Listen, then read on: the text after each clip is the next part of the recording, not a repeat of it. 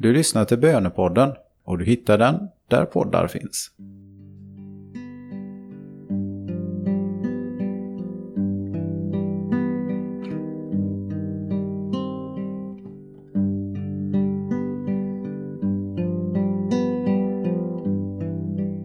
Tiden.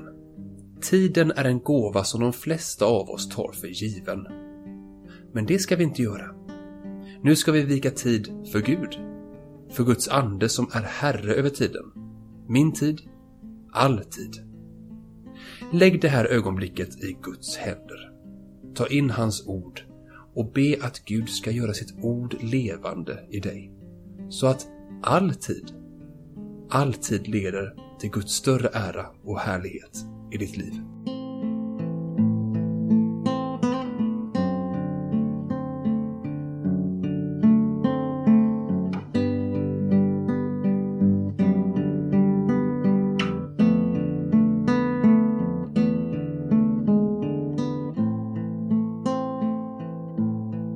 Texten är hämtad ur Matteus evangeliets 28 kapitel.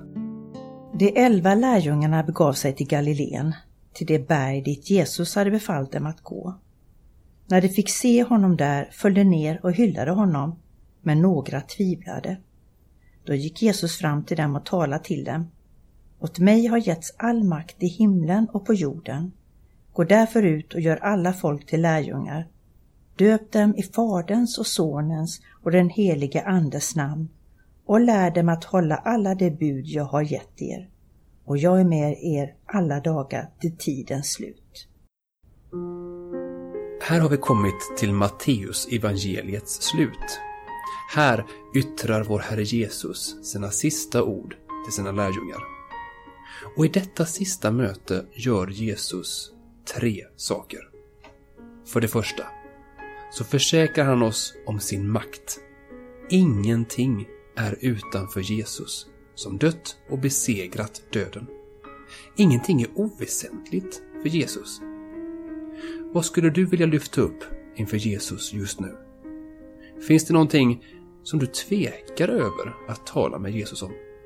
Något som du tror att han inte är intresserad av? Tala med Jesus.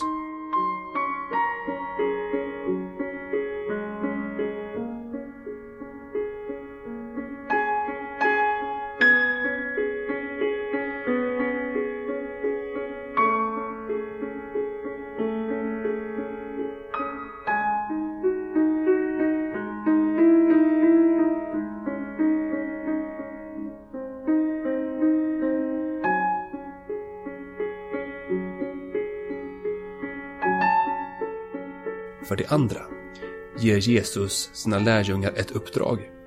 Uppdraget att gå ut och göra alla folk till lärjungar. Vi kan ibland bli oroliga över tanken att vi måste tala om vår tro med andra. Vi kan lätt stänga oss inne, bli en förening för inbördes beundran. Men Jesus vill att alla människor ska bli frälsta och lära känna sanningen. Hur känner du inför det uppdraget? Fruktan? Nervositet? Glädje? Otålighet? Bär fram dina känslor inför Herren och be om kraft och vägledning.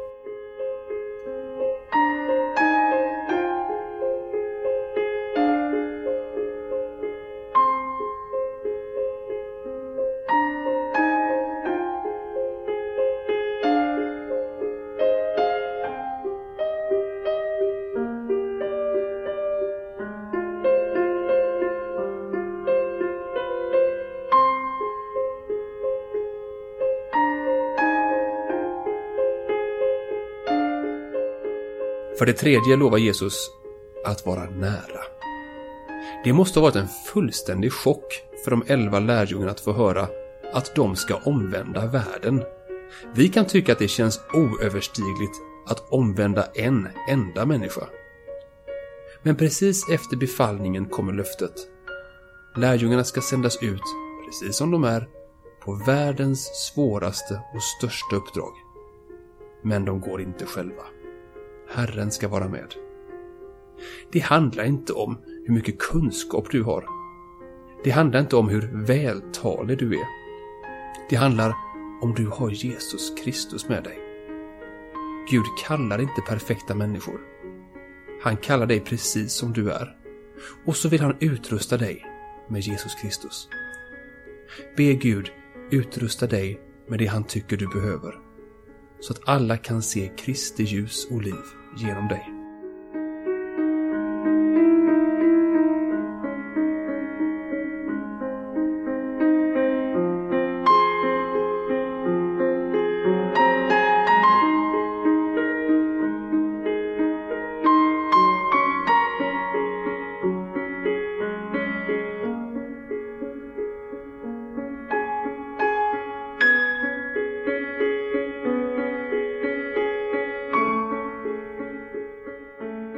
Vi lyssnar till texten en gång till. De elva lärjungarna begav sig till Galileen, till det berg dit Jesus hade befallt dem att gå. När de fick se honom där följde ner och hyllade honom, men några tvivlade. Då gick Jesus fram till dem och talade till dem.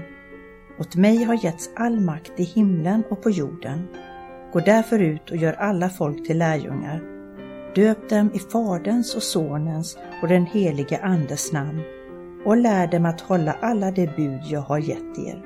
Och jag är med er alla dagar till tidens slut.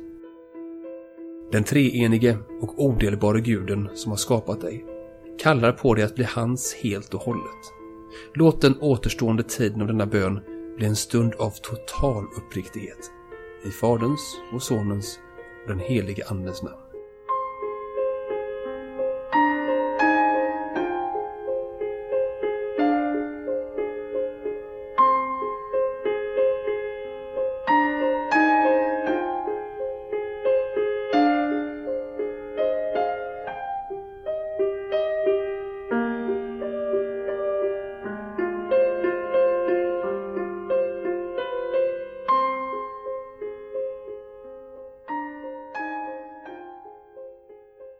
Ära vare Fadern och Sonen och den helige Ande, så som det var av begynnelsen, nu är och skall vara, från evighet till evighet.